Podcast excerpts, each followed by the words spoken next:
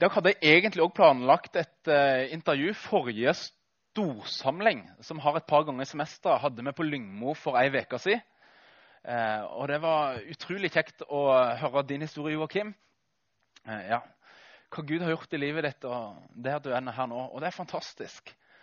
Jeg føler at ja, Av og til føler jeg at jeg trenger å bli flinkere og feire det Gud gjør i folks liv.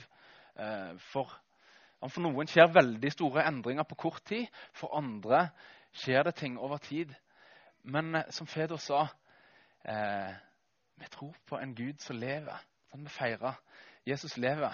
En del plasser rundt når det er påske, iallfall når, det liksom, når det kommer til første påskedag, så er det litt sånn at en sier ut 'Jesus lever', og så svarer forsamlingen jeg lurte tre ganger.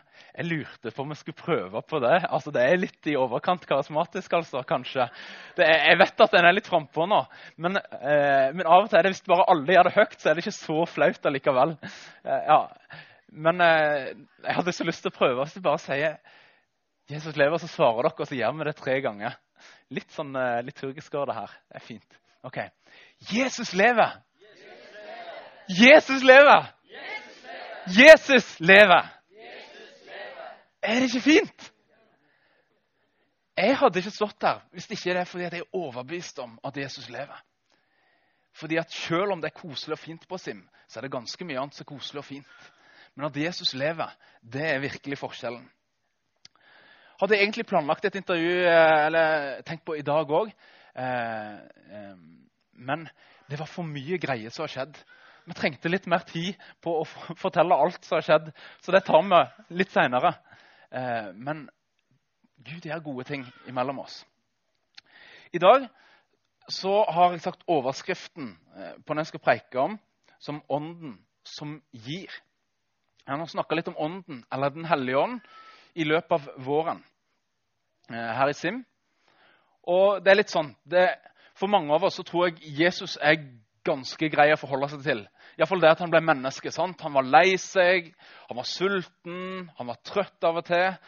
Eh, og sånt. Og selv om det her med å stå opp igjen fra de døde og det er litt mer utfordrende, så er du, ok, han hadde iallfall en kropp, liksom.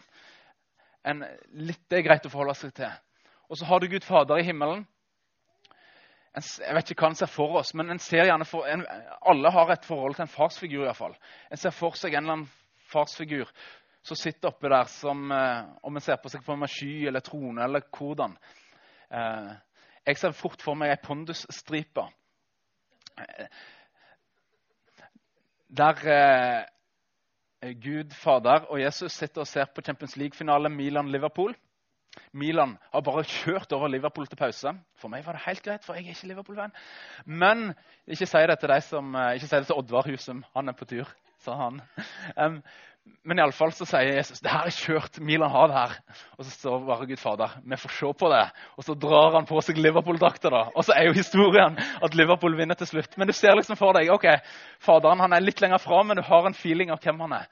Men så har du tredje person i guddommen nå, Den hellige ånd. Hva er det for noe, liksom? Sånn, du har sett Aladdin, kanskje, ånden på flaska. Men jeg, hva er det, da? Og så blir det litt sånn spooky og vanskelig å forholde seg til. Eh, og For min del så vokste jeg også opp i en kristen setting hvor eh, ja, en snakka my veldig mye om Jesus. Og litt om Faderen. Men eh, ånden den snakka han ikke så mye om. Eh, det var kanskje mer en slags effekt. Så når du leste Bibelen, så eh, visste en at Den hellige ånd den åpenbarer ordet til deg. Den taler gjennom ordet. Og det tror jeg på. Eh, det andre Den hellige ånd kunne gjøre, det kunne være at den kunne vise, åpenbare synd eller vise ting i livet som en trenger å legge fra seg og vende seg vekk ifra. Men det blir litt mer en slags effekt. Så av og til er Den hellige ånd inne og virker med en slags effekt. Eh, og Ofte brukte en ikke ordet Den hellige ånd engang. En det ble minnet på, eller 'det ble så godt for meg', eller 'å, nå var det rikt'. Altså, Du har jo alt mulig, vet du. Um, men uh, Det er fint, det, altså. Men uh, det gjør ikke det enklere å bli kjent med Ånden da, når du liksom aldri bruker det ordet. Um, så kom jeg sjøl i tenårene um, møtte på et ektepar som forholdt seg til Den hellige ånd på en annen måte. Um, uh, på en trygg og god måte, men òg på en måte som Når vi er samla i Jesu navn, så er Den hellige ånd her. Det er en egen person på et vis, med en egen vilje På samme måte så når eh, en person kommer inn i rommet og preger med den personligheten han er, eller hun er, eh, så, så er det som når Den hellige ånd kommer, så preger han med det den er. Er den med meg? Og jeg tror at Den hellige ånd har en vilje i samlingen, både kollektivt sett, men òg for deg og meg her i dag. Den har òg en personlighet. Du kan lese om det i Galaterne 5, om åndens frukt. Hva er det åndens virker fram i oss når han får virke på oss og får rom i oss? Jo, det er kjærlighet, det er fred, det er glede, det er tålmodighet. Altså, Det er noen sånne egenskaper. som Når det blir mer av ånden, så blir det mer av sånn. Hvorfor det? Jo, fordi at ånden er sånn. Um, og ånden er en enormt stor giver. Noen ganger har vært i settinger hvor det er tydelig at Den hellige ånd gjør et eller annet fordi at det er noen nærmest manifestasjoner, eller det blir noen synlige greier. Enten at folk griner, eller at, altså at folk rister, at de har fått fysiske reaksjoner. og sånt, Men òg at eh, ved sykdom som har blitt sånn umiddelbart eh, friskt, eller forskjellig sånt, så er det plutselig veldig tydelig at noe skjer. Men ofte så er det mer sånn i bakgrunnen usynlig. At det er noe Det står en plass at ånden den elsker og herliger Jesus. Det betyr at den elsker at spotlighten kommer på Jesus og ikke seg sjøl. Um, men det er bare en sånn enorm giver. Gir og gir og gir, uh, som Gud er. Um, det jeg har, liksom, jeg har, ikke så mange vers jeg tenkte jeg egentlig skulle lese med i dag. Men jeg tenkte vi skulle være litt i andre Timoteus brev. Og der er noen, særlig ett vers og, ja, for en måneds tid siden eller to slo litt sånn ned i meg at wow, så fantastisk. Og jeg opplevde jeg fikk et slags budskap rundt det. da. Um, Timoteus han var en ung mann uh, som på en måte ble håndplukka av Paulus. En av liksom de store eh, si misjonærene som fikk formidla Jesus til veldig veldig mange. Paulus møtte Timoteus helt sikkert en tenåring da, og så noe i han og inviterte han med på tur og med i tjeneste. Og Timoteus ble en av de viktigste medarbeiderne for Paulus. Um, så dette er et sånn nært medarbeiderbrev. For når Paulus skriver det her, så er han i fengsel og han tror ikke han kommer til å overleve denne fengselsperioden. Eh, så det er på en måte Du begynner å se livet ditt i revy. holdt på å si. Du begynner å skjønne at nå er det de virkelig viktige tingene som trenger å videreformidles. Um, eh, så handler det litt om eh, Timoteus, om Paulus, det her. Men det handler òg eh, om Ånden. Og Det her verset jeg fikk, det er fra vers 7, der det står for Gud ga oss ikke en ånd som gjør motløs. Takk Gud for det. Når Gud kommer nær, så ble alle motløse. Det høres ikke helt Det er jo en fin ting. Test, da. Hvis du sitter der veldig motløs, og alle er motløse i et møte, eh, da er det liksom eh, Gud. Det er ikke sånn Gud, nå må du vekk herfra. Det er, Gud, nå må du komme nær, for dette er ikke eh, nå må du vise et annet bilde om Gud. For Gud ga oss ikke en ånd til vi er motløs. Men vi fikk ånden som gir kraft, kjærlighet og visdom. Ikke en fin kontrast. Gud gir ikke noen som er motløs, men som gir kraft, kjærlighet og visdom. Hvorfor hadde Paulus behov for å si dette, på en måte minne Timoteus om hva, hvem ånden er for noe, hva han gir. Jo, for det som hadde skjedd med Timoteus, er noe som jeg tror mange av oss også kan kjenne oss igjen i. Kanskje ikke akkurat på den måten. Men sant, Timoteus han var eh, tatt med, kalla av Paulus. Og eh, det kan stå en plass at Paulus han la hendene på Timoteus og noen nådegaver virker som nådegave til å lede, ble forløst i han. Ånden gir gave, Om det er der at det kommer noe sånn totalt utenfra som ikke matcher personlighet eller eh, evne vi har hatt så langt i livet. Om det bare er noe helt nytt som gis. Det har jeg hørt om skjer. Men kanskje oftere er det òg ting som ligger i deg, som er som om ånden forløser mer av. Og Det som er så fint, det kan bli gjort når du starter på et trosreise når du tar imot Jesus. Men det er noe som òg kan bli gitt på et senere tidspunkt, for Gud har noe han vil ha deg inn i. Alltid når Gud kaller oss inn i noe, så er det litt for store sko for at du ikke skal tenke at det her klarer jeg fint sjøl. Men så vil han òg alltid gi alt du trenger til det han kaller deg til. Eh. Og det skjedde med Timoteus. Paulus la hendene på han, ble fylt av ånden. Han ble gitt en eh, nådegave til å tjene. Og De gjorde mye sammen, men så var det òg tider Paulus dro videre. Han trengte å sende Timoteus. Eh, nå trenger du å være der en stund. Og fordi at eh, Det var nye som kom til tro, det var mange ting de ikke visste. Det var folk som kom inn for å prøve å avlede dem. Det var alt mulig rare greier. Hvis du leser Paulus sine brev i Nytestamentet, så skjønner du at her var det mye rare greier i de små fellesskapene som begynte å blomstre fram rundt om. På dette tidspunktet så er Paulus i fengsel i Roma, og Timoteus er i Efesos. En, eh, en stor by da rundt Middelhavet. Der hadde det skjedd store ting tidligere. Eh, gjennom Paulus' tjeneste og sånt, så det var nok et større fellesskap. Men det virker òg som det på et tidspunkt er. Timoteus trenger å være der på en måte, passe på flokken, sørge for at uh, ting vokser på en god måte. Men at det er mye folk innenfra og utenfra som Eh, ja, pusher på på vanskelige måter. Og det virker rett og slett som Timoteus er kommet skikkelig på defensiven nå. Han som ble rekruttert av Paulus sjøl. Liksom. Han som fikk eh, nådegaven med håndspåleggelse. Han som hadde fått vært med og sett så mye greier. Han, liksom. Han kom på defensiven. Hva er det som gjorde at han kom på defensiven? Jo, jeg tror det er mange ting.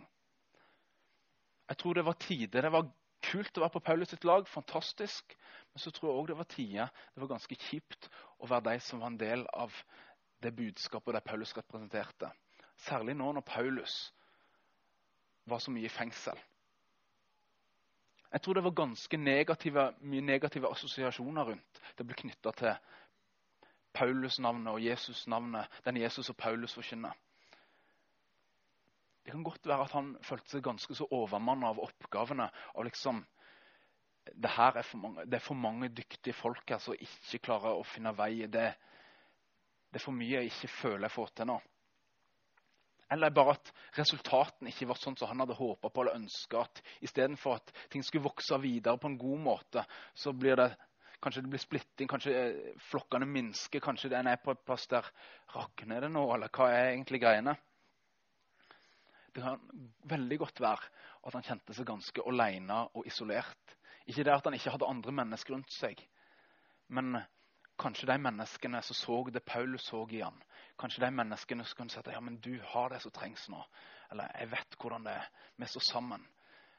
De menneskene som gjør at du får til nytt mot.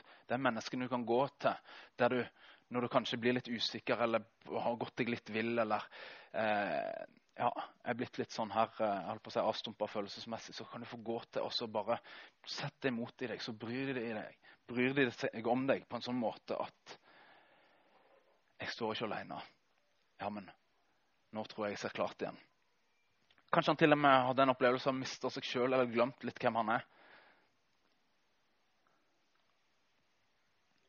Det er så typisk. Det er noen situasjoner vi kommer i òg som skaper en reaksjon i oss som gjør at vi ikke lenger lever ut ifra den intensjonen, for å snakke fint, da, som jeg hadde tenkt til, eller som Gud kaller oss til, eller tenkte at det her er det jeg skal nå. Da er det godt å ha en Paulus i livet. Så sier Gud ga oss ikke en ånd som er motløs. Så på en måte tar hvordan du opplever det, hvordan du ser det, hvordan det. Ja, sånn er det nå. Der en på en måte kan inn og rydde litt, da. Jeg skjønner at du er motløs, jeg skjønner at du er vanskelig, Timoteus, men det var ikke dette Gud ga deg. Det er fint. Av og til er det krevende å på en måte bli korrigert. Det er godt å dulles inn i den, de tankene så om ikke annet så gir det oss sjølmedlidenhet. Det er godt å dulle litt med det når vi føler oss litt lost. At det, ja, stakkars meg, goffa, og heller få litt eh, kos med oss langs ryggen, liksom. Det, er, det, kan føles godt, men Paulus vet at det, det Timoteus trenger, det er at det ryddes litt i tankene. Det trenger å minnes om hva er det så sant nå. Gud ga deg ikke en ånd, Timoteus, så er det motløst. Gud har noe annet for deg. Hør nå hva Gud har for deg. Han har kraft, han har kjærlighet, han har visdom. Noe av det jeg liker best med Ånden, og jeg har tenkt på i det siste, det er at Ånden er utenfor meg sjøl. Jo, det står at vi har fått Den hellige ånd som bor i oss. Når vi tar imot Jesus, alle som tror på Jesus, har fått Den hellige ånd som bor i oss. Men det er ikke sånn at Den hellige ånd svinger med mine humørsvingninger. Er ikke det fantastisk? Den hellige ånd går ikke ned når ditt humør går i kjelleren. Når blodsukkeret er lavt, så er Den hellige ånd lav, liksom. Nei, Den hellige ånd er faktisk noe utenfor oss sjøl i form av Den er gjennomført kjærlighet. en helt stabilt fred. en helt stabilt glede. Den er det uavhengig av hva trall du er på, da, på et vis. Og Paulus minner om at du vi fikk Ånden som gir kraft, kjærlighet og visdom. Og den indirekte sier at du har tilgang på kraft hos Gud. Du har den kraften du trenger til å stå i det kallet han har gitt deg nå. Vi trenger av og til kraft til å stå på. Kraft til å stå imot løgntanker og ting som trykker oss ned. Kraft til å si nei. Nå føler jeg det sånn, men dette tror jeg er sant. Kraft til å be inn i låste situasjoner. Kraft til å tørre å steppe opp der vi skal prøve på noe. Jeg trenger stadig kraft. Og det er noe Ånden gir Timoteus, noe Ånden gir deg og meg. Det er ikke alltid at han gir følelsen av styrke. Paulus snakker om når han kom til Korint, at han var svak, redd og skjelvende. trodde jeg foran meg. Men det var jo svære greier han fikk være med på. Det er ikke alltid følelsen av kraft og det reelle nærværet av kraft stemmer overens. Paulus minner Timoteus om at jo, men Guds ånd gir kraft. Det andre er kjærlighet. Jeg tror vi mennesker alle har en viss kapasitet til å elske. Iallfall de som elsker tilbake. Men, men Gud har en sånn ubetinga kjærlighet som aldri tar slutt. Så istedenfor å gå til angrep eller forsvarsposisjon, legge ned livet sitt, ofre seg sjøl. Ofre egen stolthet, ofre egen tid. Ofre til og med kroppen sin, som vi feirer i påske. Den hellige ånd er full av den kjærligheten som holder ut, som elsker uavhengig av hva han får tilbake. Den òg er tilgjengelig utenfor oss sjøl og våre egne humørsvingninger. Det er fantastisk. Og til slutt visdom. Det er så utrolig mange ulike situasjoner vi møter. Og enhver situasjon, ethvert menneske du møter, det er helt unikt. Du kan ikke ha en ABC-oppskrift til bare hvordan skal jeg fikse det. Jo, det er bra å ha noe metodeforståelse, og sånt, men hvis du ikke møter enhver situasjon med en åpenhet for hva er dette her, så ender du fort opp med å bli kald på et eller annet vis usensitiv på den personen du har foran deg, eller det problemet eh, som en møter. Men Helligånd gir visdommen situasjonsspesifikt på en sånn måte at man kan møte det problemet eller de menneskene eller den som foran, på en måte som ikke bryter ned, men som bygger opp. Vi kan ikke styre reaksjonen til alle folk rundt oss. og det er ikke, Vi kan ikke bare fikse sånn, Hvis du gjør alt riktig, så fikser du fordi at du har ikke kontroll på alt rundt deg. Du har ikke kontroll på alle folks reaksjoner. Men Den hellige ånd kan gi en visdom som gjør at du møter den situasjonen med passe mengde kraft med passe mengde kjærlighet. På, på den måten så er situasjonsspesifikk best. Det er òg i deg. Det er å komme utenfra. Det Paulus sier i verset før, er derfor vil jeg minne deg om dette. La Guds nådegave i deg flamme opp på nytt, den du fikk da jeg la hendene på deg. For Gud ga seg en ånd som gjør motløs. Vi fikk ånden som gir kraft, kjærlighet og visdom. Og så sier han, skam deg da ikke over vitnesbyrdet om vår Herre, og heller ikke om meg som er fange for Hans skyld. Men bær lidelsene for evangeliet, du også, i den kraft Gud gir. Det virker som kallet Timoteus fikk, og innebar lidelse. Det å følge Jesus, det å følge det han kaller oss inn i, er ikke liksom Hvis du alltid er happy, da er det riktig, og hvis du ikke er happy, da er det feil. Um, å følge kallet til Jesus innebærer òg at det koster av og til. På ulikt vis. Men da gir òg Ånden det du trenger til å stå i det som koster. Um,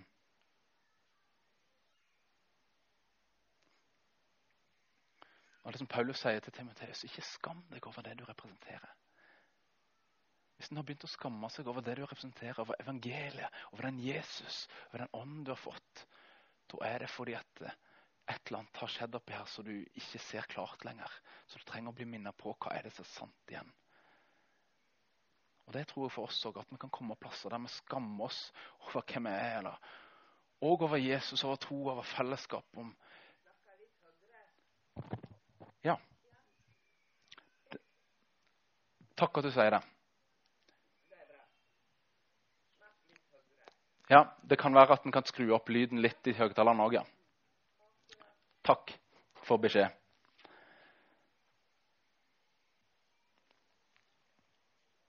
Hvor er jeg?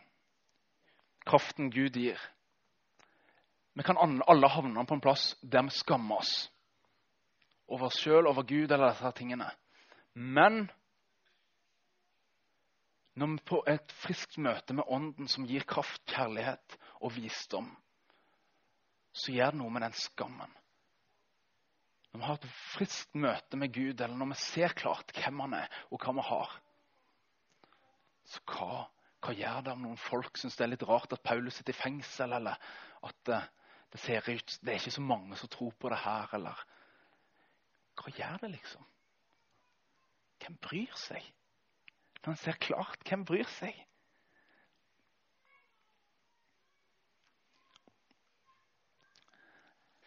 Jeg tror Ånden elsker å rydde i livene våre, for han elsker å gjøre Jesus synlig. og Han elsker at vi kan få se klart at vi kan vite hvem vi er, kan vite hva vi er kalt Og Jeg tror ofte han bruker fellesskap òg til det. Det kan skje gjennom sånn her direkte gudsmøte. Eh, det kan skje gjennom at en ber for hverandre. Det kan òg skje gjennom at vi deler livet og snakker om hvor, hva er det jeg egentlig tenker nå. Hva er det jeg ser, og Istedenfor å bare stryke med oss. Det er bra å vise empati og forståelse, men òg å eh, ja, løfte opp hva som er sant for hverandre. Men du, du det her er ikke bare deg. Du er det her og det her og det her. Dette sier Bibelen om den du er. Dette har gjenkjent i deg. Dette har jeg sett over tid i, det, i ditt liv. Og så kan vi få snakke sannhet inn til hverandre på en sånn måte at løgnen får slippe taket.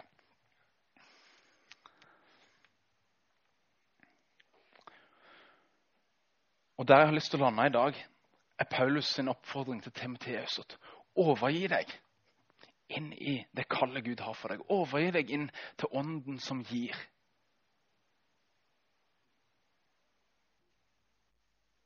Det er ingen som tvinger deg til det eller sånt. Det er et valg du må ta sjøl. Eh, men eh, til en viss grad så er det òg vårt valg om vi skulle være på en plass der en opplever motløs eller sånt. Hvorvidt vi ønsker å forbli der, eller hvorvidt vi ønsker å reise oss og si nei, jeg ønsker å ta imot det du vil gi meg nå, gode Hellige Ånd. Og så vet han veien til hjertene våre. Han vet hva vi trenger. Um, men Paulus' sin oppfordring til Timoteus er Reis deg, husk på hvem du er. Ta imot det Ånden gir, og stå og løp ut nå. Og Det tror jeg er oppfordring til oss. At Ånden gir på en sånn måte at du kan reise deg og stå og løpe ut. Så kan det godt være at du står allerede og bare fortsett. Gjør det og gled deg over det Gud gjør i livet. liksom. Om du kjenner at dette er budskap, dette trengte jeg nå, så ta imot det og reis deg. og Ta imot det Ånden gir. Og stå og tenk at det er en utenfor deg sjøl som kjemper for meg og med meg eh, hver dag.